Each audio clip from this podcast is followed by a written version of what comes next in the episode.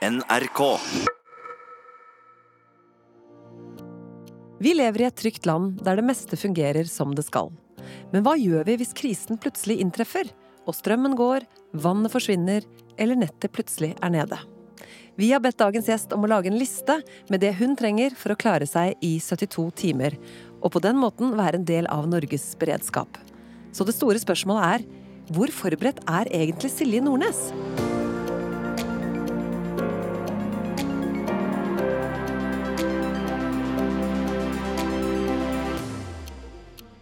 Velkommen til 72 timer, en podkast med Marte Stokstad og Knut Folkestad og Silje Nordnes. Her har vi noen forventninger, for vi har hørt at du er ganske så godt forberedt, at du til og med blir erta litt av de andre kollegaene dine i P3 Morgen rundt dette temaet. Ja, de kaller meg for en doomsday prepper. Jeg syns det er litt urettferdig, fordi det er jo mest i teorien at jeg er det. Men jeg tror jeg fint Altså, jeg kunne vært en sånn som har bygd en sånn tank og gravd ned i hagen, hvis forholdene hadde lagt til rette for det, da. Ja, men er det noe som har skjedd i livet ditt som gjør at uh, du har tenkt her må, det var godt jeg kom på det, for jeg må være forberedt på at alt kan skje? Det er personlighet. det er medfødt, tror jeg, dessverre. Kanskje litt uh, arvelig belasta fra hjemme, med ei mor som er, ofte har tenkt konsekvenser, eller tenkt uh, worst case scenario, og vært forberedt på det. Men det har jo gjeldt mest sånn mat og du skal være forberedt. Ja, For du har ikke vokst opp med en nedgravd tank i hagen på Hamarøy? Dessverre. For jeg tenker, eller det appellerer veldig til meg, da. Det å, ha, å kunne ha et tilfluktsrom. Uh, og, og, og, trekke til hvis det skulle knipe om. Ja, Så du kunne ikke bare tenke deg å være forberedt med å ha vann og mat uh, og varmekilde på plass, men også et fysisk rom som du kunne bo i? Ja, og det her, det her ble jo liksom aktuelt hos oss i P3 Morgen eh, da den serien Valkyrien kom. For der var det jo sånne Doomsday Preppers. Eh, og, eh, de hadde bygd noe greier nede under jorda, under Oslo, i de her hemmelige gangene. Og det, det bare resonnerte veldig i meg. Og da var jeg faktisk ute, og da snakka vi om det på radioen, jeg og Ronny og Markus, og da var jo jeg og kjøpte vann, da. Som jeg lagra i leiligheta mi, pluss litt, men det var, også litt hermetikk hermetikk. Hvor er det du lagra det hen? I boden. Har du det fremdeles? Nei, fordi jeg flytta. og for å si det sånn, flytting er veldig slitsomt, eh, og det er veldig mye greier som skal flyttes, så det vannet ble stående igjen. Ja. Men um, nå når vi, når vi, begynner å snakke om det igjen, så tror jeg pinadø jeg må ut og, og gjøre nye innkjøp. Men det Silje, at du blir eh, framstilt som den store doomsday-prepperen i eh, P3 Morgen-gjengen, betyr det at du er det, eller er det at de andre er veldig mye dårligere forberedt enn du? Nei, jeg vet ikke helt. Jeg er litt redd for at hvis noe skal oppstå, at eh, Ronny og Markus ikke er helt forberedt. Fordi de reagerer altså med så sjokk og vantro. Bare jeg sier at jeg har kjøpt inn litt ekstra vann. Og det tenker jeg jo er Altså, det, det har jo skjedd, det, i Norge. At plutselig at de stenger vanntilførselen, at det blir kokevarsel eller ja. Um, så uh, jeg er litt sånn Kan tenke at jeg nesten være litt sånn bekymra. Samtidig ikke fordi jeg har jo Jeg kan jo ta vare på dem. For du har nok? Jeg har nok, forhåpentligvis. Så ja. hvis det skjer noe, så håper du at de er i nærheten, sånn at du kan ta de inn? Ja, jeg tenkte det. på Jeg mener at de håper at du er i nærheten. Nei, for jeg tror faktisk at de tenker ikke at det kan skje. Ikke det engang? Nei, ja, det virker ikke sånn. Men hvis det skjer, så er jeg klar. Men du nevnte at moren din var alltid forberedt. Kan du komme på noen eksempler på hvordan hun tenkte, som du da eh, ble oppdratt eh, med? Nei, jeg tror hun bare alltid har tenkt at eh, vi har en del elementære behov, da. Og det er at vi blir tørst, og vi blir sulten, og vi må på do. Mm.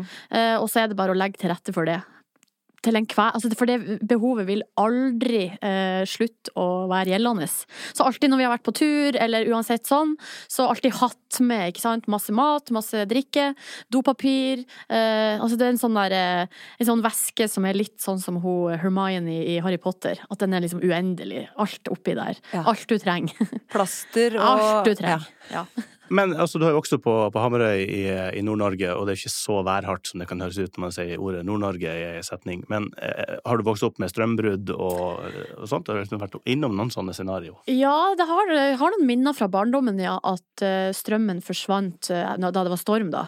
Um, å, nå får jeg veldig mange minner inn til meg nå. Uh, for nå kommer jeg på at en gang jeg var hjemme fra skolen, så, fordi vi var ferdig sånn tidlig, så jeg var såpass lita, jeg var ferdig klokka elleve, så var det storm, og så ringer mamma nå, og jeg var hjemme med en kompis, nå må dere inn på badet, eller inn på et rom uten vinduer, og lukke igjen, og legge dere ned på gulvet. For da var det skikkelig storm, altså sånn superstormvarsel, så de var redd for at vinduene skulle blåse inn. Og jeg syns sånt er så spennende. Um, fordi Eller jeg vet ikke, bare, tanken på å være i sånn tilflukt, det syns jeg var mest spennende. Så du har altså kosetanke når du tenker på beredskap, ikke bare Kanskje litt. Men også For det er også... hyggelig å være mange sammen tett og ja, kose seg? Ja, kanskje litt. litt. Eh, hvis man har stearinlys og men så også har vi lagd mat, da. Jeg, kan, jeg, kan, jeg har et tydelig minne av, av en gang vi lagde søndagsmiddag hjemme på vedovnen. Um, sånn at um, Og så ble det så vanvittig varmt i stua. Fordi de måtte fyre så sinnssykt for å få nok varme til å lage den maten. Og så har vi faktisk et bilde da, av um, at lyset har kommet på igjen, og vi sitter ved bordet og spiser middag. Uh, og jeg og han pappa, da er jo jeg da kanskje et fire. Han pappa er jo en voksen, stor mann. Uh, og vi sitter begge i bar overkropp og spiser middag. og det ser veldig veldig rart ut. Altså, det er et av mine favorittbilder. Og da er historia det, da, at strømmen hadde gått. Mm. Mm. Men er det sånn at du kan se for deg med denne bakgrunnen at en ting er å gå inn på et rom og skalke lukene, og kanskje til og med være et rom der det ikke er vindu som kan blåse inn eller knuse? Er det sånn at hvis du tenker det er krig, at du legger det i badekaret, for eksempel? ja, med madrassen over. For det, også, for det, vet jeg i USA, hvis det er, hvis det er tornadosesong, ja. så er det det man skal gjøre. Man skal inn på badet, og så legge seg i badekaret, og så madrass over. Eller, og en annen ting jeg også har lært, er at eh, hvis du har pipe, eh, så må du være nært pipeløpet. Fordi at hvis eh, Det er det siste som ryker. For det er det sterkeste stedet på huset, er pipeløpet. Så det må være nært det. Men er dette tilfeldige ting som du har sett i en VG pluss-sak, eller har du gått uh, vitenskapelig til verks og oppsøkt uh, litteratur uh, som dreier seg om akkurat dette overlevelsesscenarioet? Det, det, er litt tilfeldig, men jeg suger det veldig til meg når jeg kommer over det. men så Men jeg har jo lest da staten Norges offisielle råd. Og det har jeg gjort før jeg har blitt invitert hit. Det gjorde jeg da den Valkyrien-serien gikk, for da kasta de seg på uh, og slengte ut noen sånne saker om uh, at du må kjøpe vann og ja, det leste jeg. Det, var, det, med, de... det med pipeløpet, å stå i nærheten av pipe... Det står ikke der. Nei, det står ikke i... Nei, det har jeg fullt plukk på en annen plass. Men se for deg at noe skjer, og du har ikke kontroll. Mm. Eh, og det har du jo tydeligvis gjort, da, akkurat det. Sett for deg at noe kan skje. Mentalt, hvem hadde du vært i en sånn evakueringssituasjon? Hva hadde vært din rolle? Jeg liker å tenke at jeg hadde kanskje ikke blitt så overraska, fordi jeg allerede tenkt at det kan skje. Eh, og eh, forhåpentligvis litt handlekraftig. Eh, og altså ikke bare stivna og blitt helt sånn passiv og, og ja. Hysterisk? Ja, men kanskje mer handling. Mm. Håper jeg, da. Og det er jo litt det jeg planlegger til. du ser likhet mellom en programledertype og en ledertype? Ja, kanskje. Som radiomenneske også. Men har du vært i nærheten av noen situasjoner, du nevnte jo strømbrudd i oppveksten, som ikke er så veldig alvorlig, selv om det har noen konsekvenser. Har du vært i nærheten av noen situasjoner hvor du tenker nå skjer det? Ikke kanskje så dramatisk. Um, jeg har sittet ja, Det er jo ja, det er kanskje litt sånn på sida, da, men jeg var en gang i Honduras, eh, og da eh, ble, var vi på ei hytte, eller der er det sånn at uh, hvis man eier land, så har de gjerne et hus i tilknytning til jorda de eier, da. Uh, som det vi i Norge kaller hytte. Så vi var da på hytta til en lokal kompis. Eh, jeg, eh, altså vi var fire norske jenter og han, da. Og så var det plutselig streik. Det brøt ut streik. Transportarbeidere i landet streika. Um, og der er det litt sånn at eh, det fort kan bli Det er liksom kort vei til at det blir veldig dårlig stemning. Og litt voldelig kan fort bli, da. Når sånne ting oppstår. Og da fikk han gutten beskjed av sine foreldre at du tar ikke de norske jentene med deg ut på veien eh, når det er streik og veisperring og det kan oppstå situasjoner. Så da satt vi rett og slett streikefast på ei hytte i Honduras i tre dager. Eh, og det var jo eh, og det var vi ikke forberedt på. Altså, vi hadde vann, og vi hadde masse alkohol. og så hadde vi et chop sui som vi hadde tatt med oss take altså doggybag fra en restaurant liksom dagen før. Og det var det. Og der satt vi. Men tre dager, det er vel 72 timer, det? Ja, det er ganske lenge. Så du har kjent det på kroppen å være et sted eh, og ikke ha tilgang til de tingene du vanligvis har? Ja.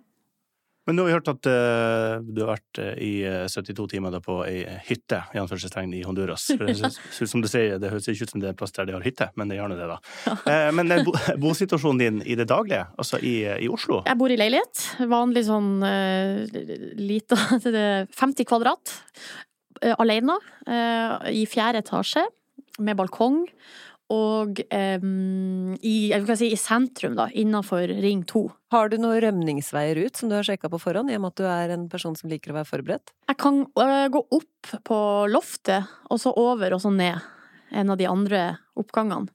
Uh, men ellers så er det hvis det, skjer, hvis det blir brann, for eksempel, så uh, i oppgangen så må jeg ut på verandaen og bare lukke igjen døra og vente til noen kommer og henter meg ned. Ja, stå der og rope, ja? Ja, eh, brannvesenet forhåpentligvis kan komme da når jeg roper 'hallo'. Men du sa jo at i den forrige leiligheten din så hadde du faktisk da vann, eller en vanndunk, eller et eller annet oppbevaringsremedie for vann, og litt eh, mat. Hvordan har du sett for deg det da i din nye leilighet?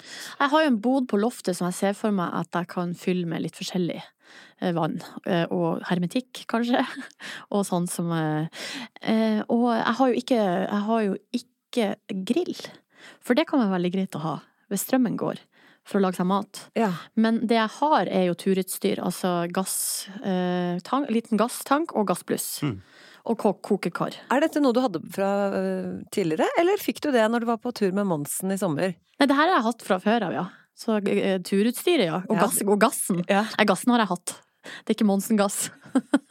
Men eh, altså, i fjerde etasje i en mm. Eh, bygård i, i, Oslo, har du mye kontakt med naboen? Har du tenkt på at ok, um, han eller hun trenger kanskje noe ekstra hjelp hvis noe skal skje, eller hun eller han kan jeg spørre om kan jeg få låne dyne, eller hvordan er samholdet? Nei, det, det er jo, og det er vel fordommene til storbyen kanskje litt sann, da, at det er lite kontakt mellom naboene. Men jeg vet at jeg har ei gammel dame under meg sånn veldig gammel dame som jeg har sett i oppgangen og helsa så vidt på. Så hvis det skal oppstå noe, så burde jo noen ned der da og sjekke at alt står bra til. Eh, ellers så har jeg ikke så god oversikt. Dessverre. Men er det ikke sånn at i krisesituasjoner så kommer man nærmere hverandre? Det vil jeg tro. Ja, for jeg vil tro det. Ja. Og det kosta meg ikke så mye å gå og ringe på hvis det skulle knipe om. Og det å oppleve kriser sammen kan jo også være grobunn for et veldig fint forhold videre. Ja, ikke sant? Ja. jeg tenker også det.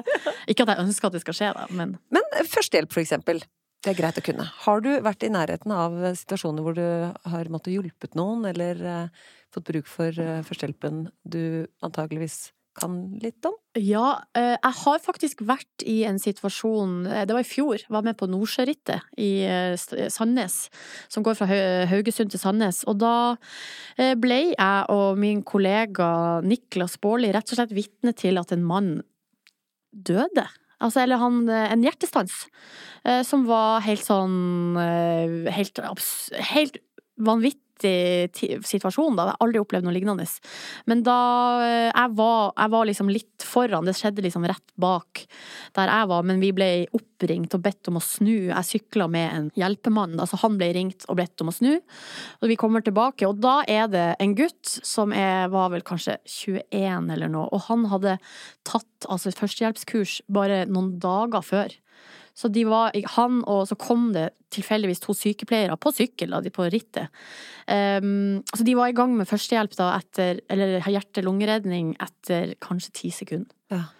Og så eh, alle bare delte seg inn, noen stoppa de andre syklistene, ringte ambulanse. Det var liksom veldig sånn naturlig eh, rolleinndeling. Og da jeg gjorde ingenting, bare prøvde å ikke være i veien. Fordi alle rollene var liksom tatt. Um, og så uh, kom ambulanse, kom de tre ambulanser og begynte med sånn hjertestarter og sånn. Men det ble uh, også, Ja, også, han døde dessverre da på sykehuset uh, på natta. Men det ble veldig påminner om hvor viktig det er å kunne Så jeg vet ikke, jeg har jo drivet og tar trafikkteori nå. Så Og du skal få jo lappen. Forhåpentligvis. Ja. Så jeg vet jo i, sånn i teorien. Men det er jo noe med å ha det i ryggmargen, at du vet akkurat hva du skal gjøre da, hvis det er noe som skjer. Men du er god på å takle stress, eller? Så, så, altså, sånne situasjoner som plutselig skjer, at du Ja, sånn som her, så det, ble det litt spesielt siden alle var Altså, det var bare å ikke være vei Alle liksom oppgavene var jo tatt.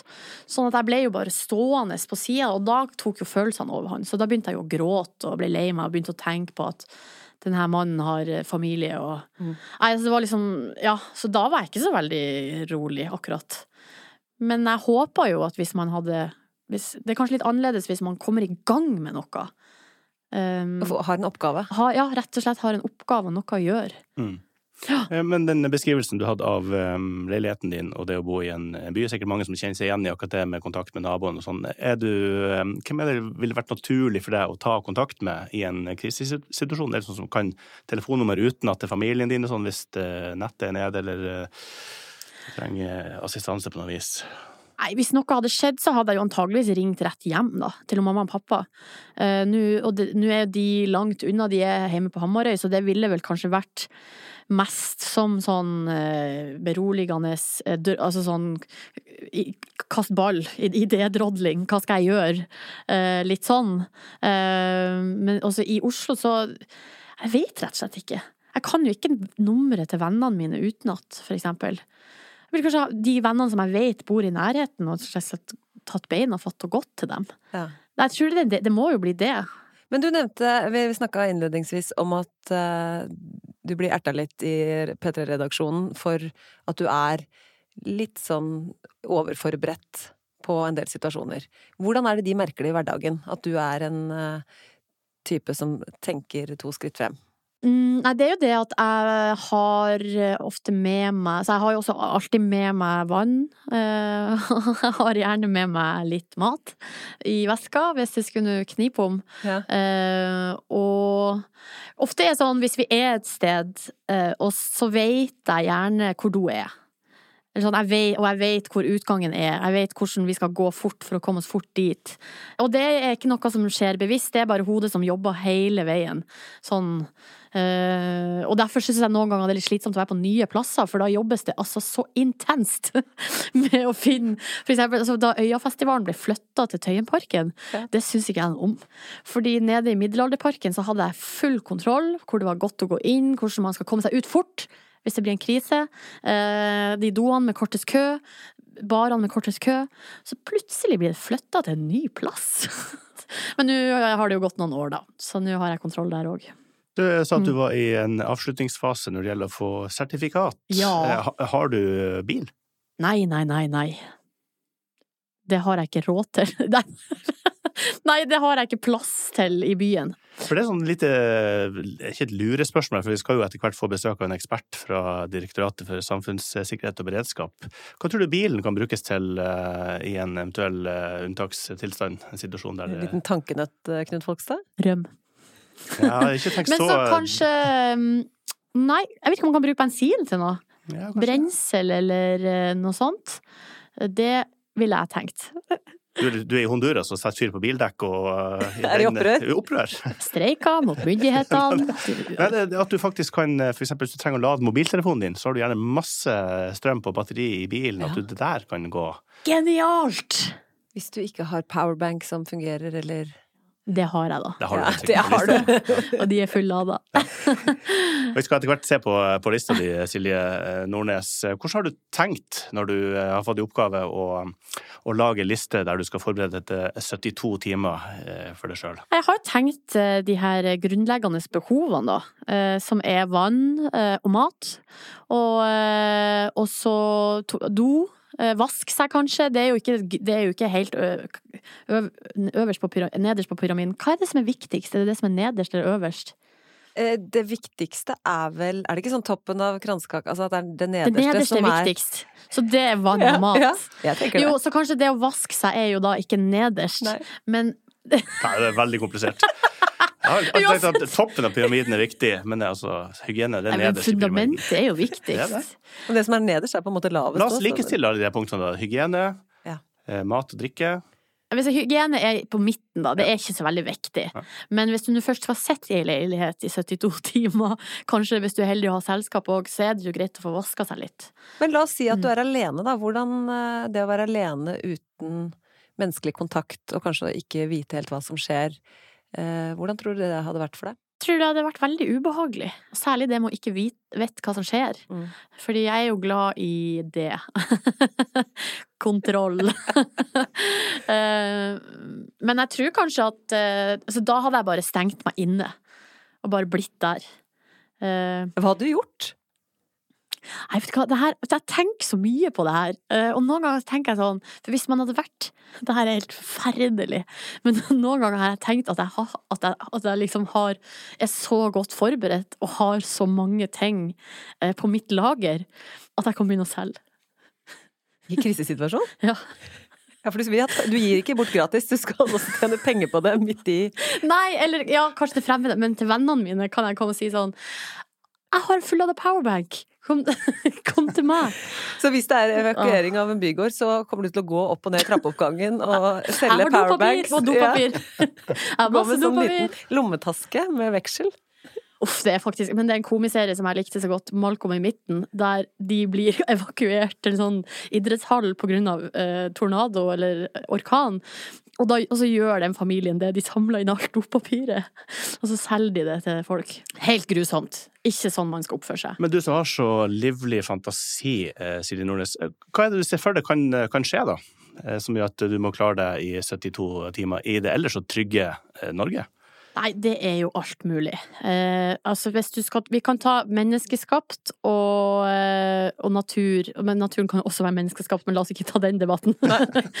men eh, altså natur Det kan jo skje naturkatastrofer, da. Eh, flom og eh, kanskje eh, strømmen kan bli slått ut eh, og sånne type ting. Mm.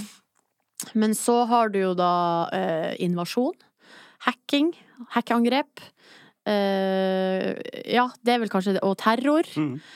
Og det kan jo altså, hvis det bryter ut, altså borgerkrig Det tenker vi ikke så mye på i Norge, men, eh, og vi er ikke der. Det, det, vi er langt unna.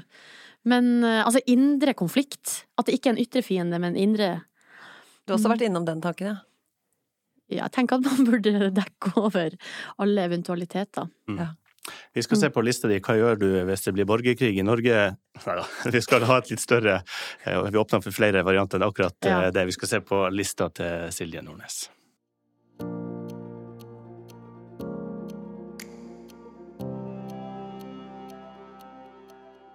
Du hører på 72 timer. Dagens gjest er Silje Nordnes. Myndighetene har altså bedt oss om å lage ei liste over ting vi mener vi trenger for å klare oss sjøl i 72 timer. Det betyr at da er vår beredskap såpass bra at kanskje andre som trenger hjelpen mer, kan få den. Du har fått samme oppgave, Silje Nordnes. Vi har lista framfor oss eh, her. La oss starte med punktet varme. Hva har du på lista di der? Da har jeg um, Altså, jeg har ved. Hvis man har vedovn Du eller peis. Har du det? Nei, jeg har ikke det. Så det, og det som jeg har tenkt, for det jeg ikke har skrevet på lista da, eh, er jo eh, klær. Fordi det har jeg jo. Så hvis jeg er hjemme, så har jeg jo jeg har ullundertøy, jeg har vintertøy. eh, har jo alt mulig som jeg kan kle på meg da, hvis det skulle bli Hvis, hvis strømmen går da på vinteren. Um, ja. Så det er egentlig det jeg har tenkt der. Og så stearinlys, det er jo mer på lys. Men det kan jo også gi litt varme og kos Ja, i et rom. duftlys. Nei, det trenger det ikke være, men det kan man jo variere litt, da, hvis man vil. Og så har du fyrstikker og lighter, eh, som selvfølgelig er eh, greit å ha. Og gassbrenner har du også.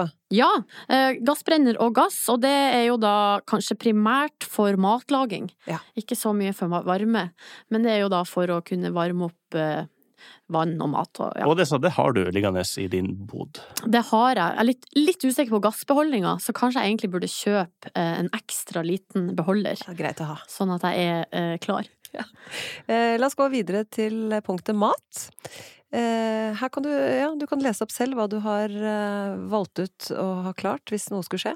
Ja, og det her er da i tillegg til det jeg har hjemme. Så jeg har jo en fryser med mat, eh, og der har jeg litt brød altså ting, Så det er jo ting man bare har. Og knekkebrød og altså alt mulig sånn greier har man jo.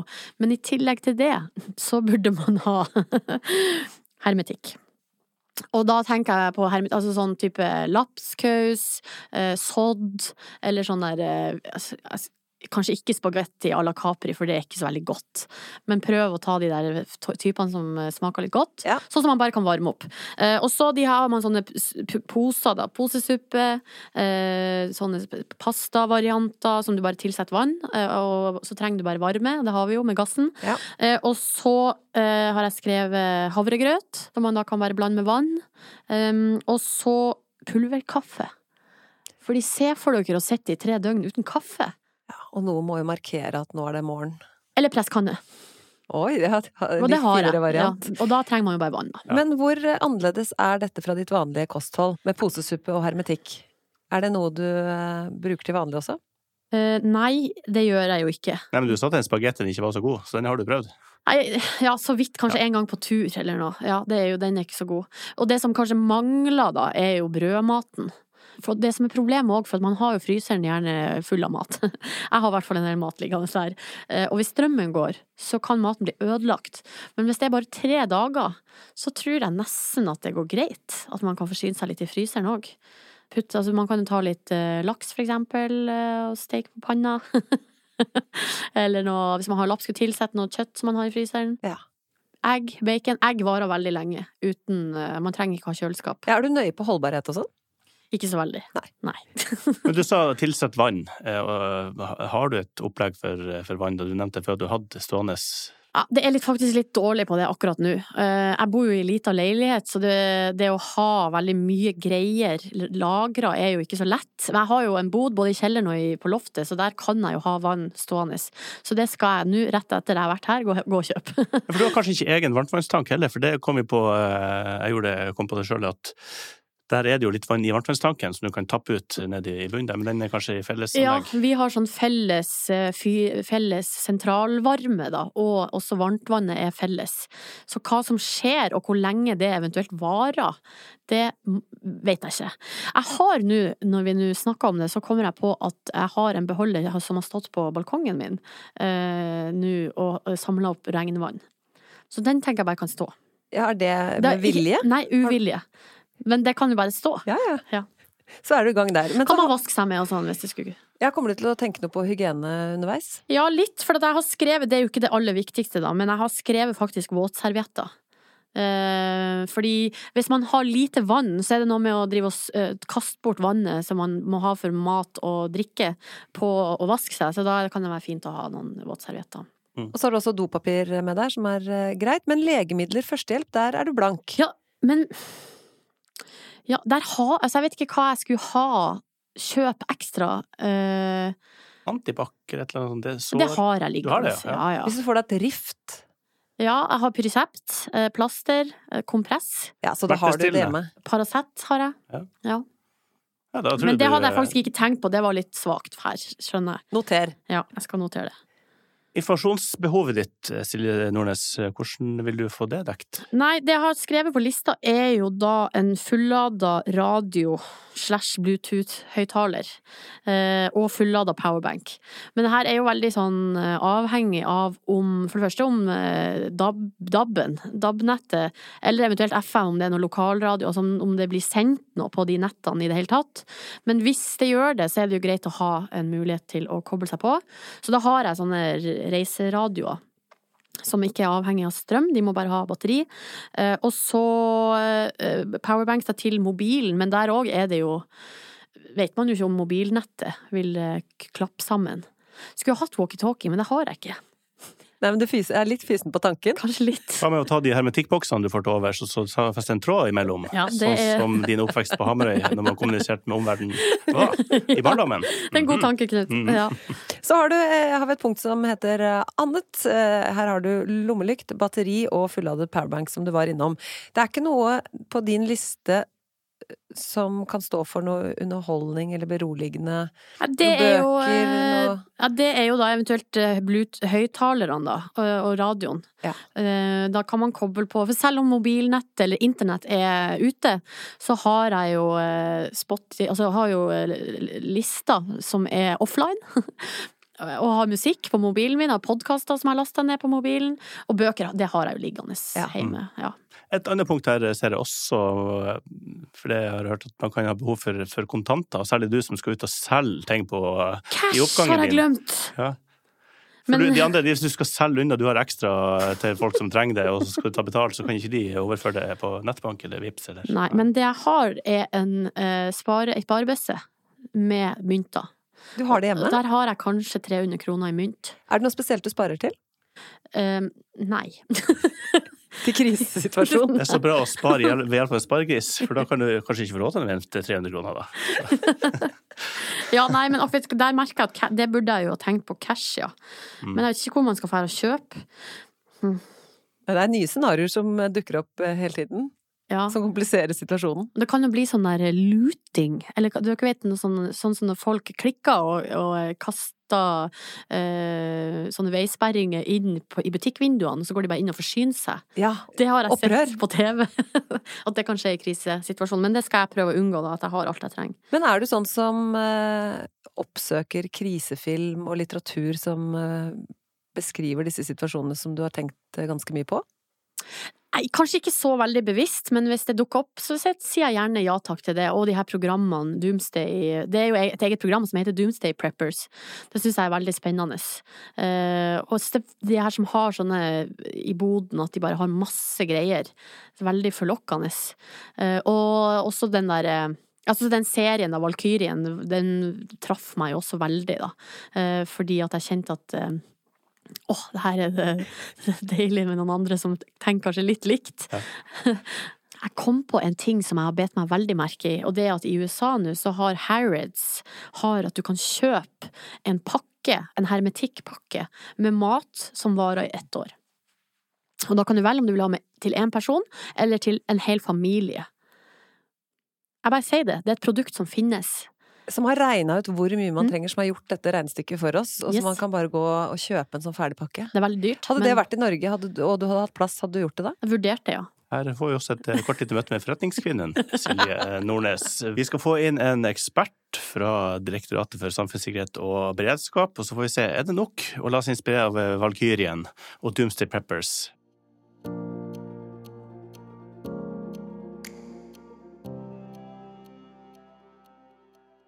Du hører på 72 timer.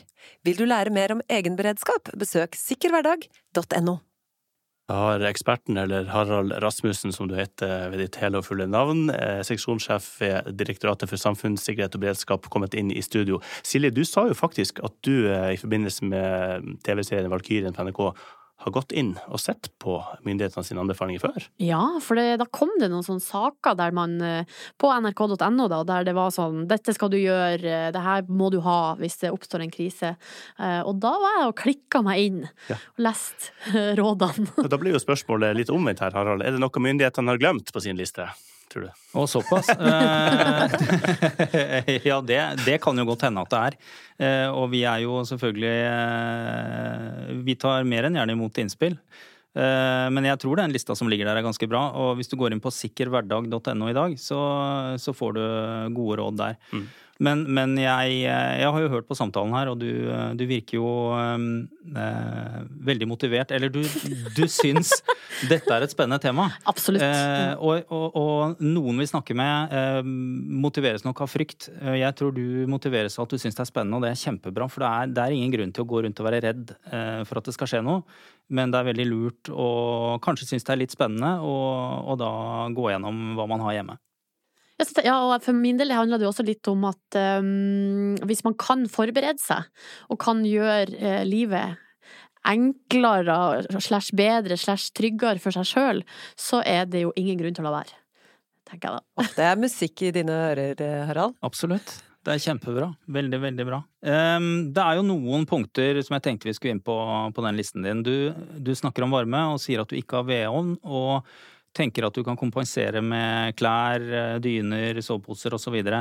Jeg tror også det er lurt å gjøre noen avtaler med noen venner i området som har alternativ fyring, sånn at du hvis eh, situasjonen tilsier det, har et annet sted å dra. Ja, nå må jeg gå gjennom eh, hodelista mi i hodet. Hvem er det jeg kjenner med vedovn? Ja, nei, ok, jeg har, jeg har et par kandidater.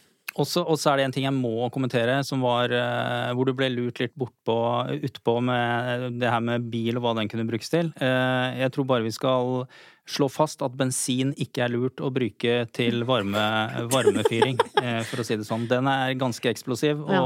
da blir det fort veldig varmt. Mm. Men det, at det faktisk er en energikilde med tanke på å lade mobil, eller Absolutt. Sånn? Det er noe helt annet. Men da, men da brukes jo ja, og da brukes jo bensin til det den skal, holdt jeg på å si. Mm. Uh, hvor mye vann tenker du at du trenger? Nei, vet du hva, det, det var litt av grunnen til at jeg, da jeg skrev lista, ikke, jeg, spe, jeg, spesifiserte ikke. Fordi jeg ble veldig usikker på hvor mye man egentlig trenger til uh, eh, 72 timer. Ja, I et forslag, hva tenker du? 10 liter. 20 liter um, altså det som er rådet, og det er jo ikke Det er et sånt generelt råd, så du må jo tenke gjennom hva du trenger selv, men det som er rådet, er eh, tre liter per døgn uh, per person. Så ti liter er innafor for én mm. person, da? Ti liter er innafor. Men det er klart, hvis du vil øke komforten din og koke litt mer kaffe og tenke litt mer på hygiene og sånn, så tar du 20 liter. Eller skal selge noe i oppgangen da, selvfølgelig. 20 tror jeg blir bra. Andre ting som du ser Harald, på, på lista her, som du enten er fornøyd med, eller som du eh, har et litt sånn minustegn ved, altså en mangel? Ja, um, jeg ser jo at du, du, eh, og det sa du jo også, at du, du, tenker på dette med primærbehovene dine og det med toalett. Uh, men, men, du var ikke så spesifikk på når toalettet ikke fungerer. Uh, hva gjør du da? Bøtte. Bøtte? Ja. Jeg tror det må bli bøtte, altså. Er det innafor anbefaling fra myndighetene at bøtte går?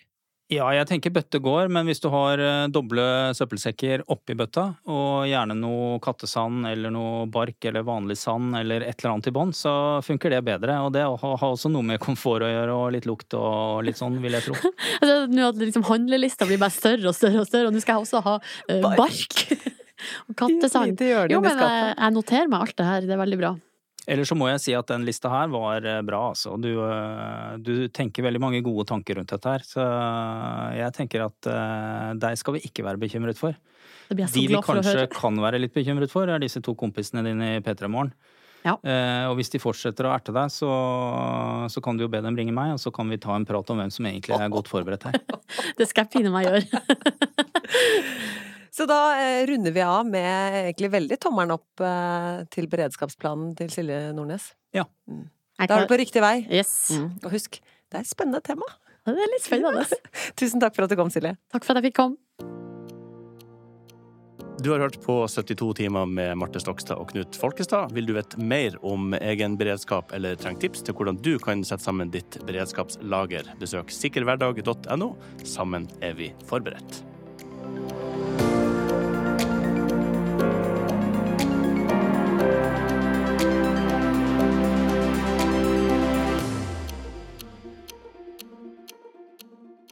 72 timer er produsert av Moderne Media og Gelmeiden Kise for NRK og Direktoratet for samfunnssikkerhet og beredskap, DSB.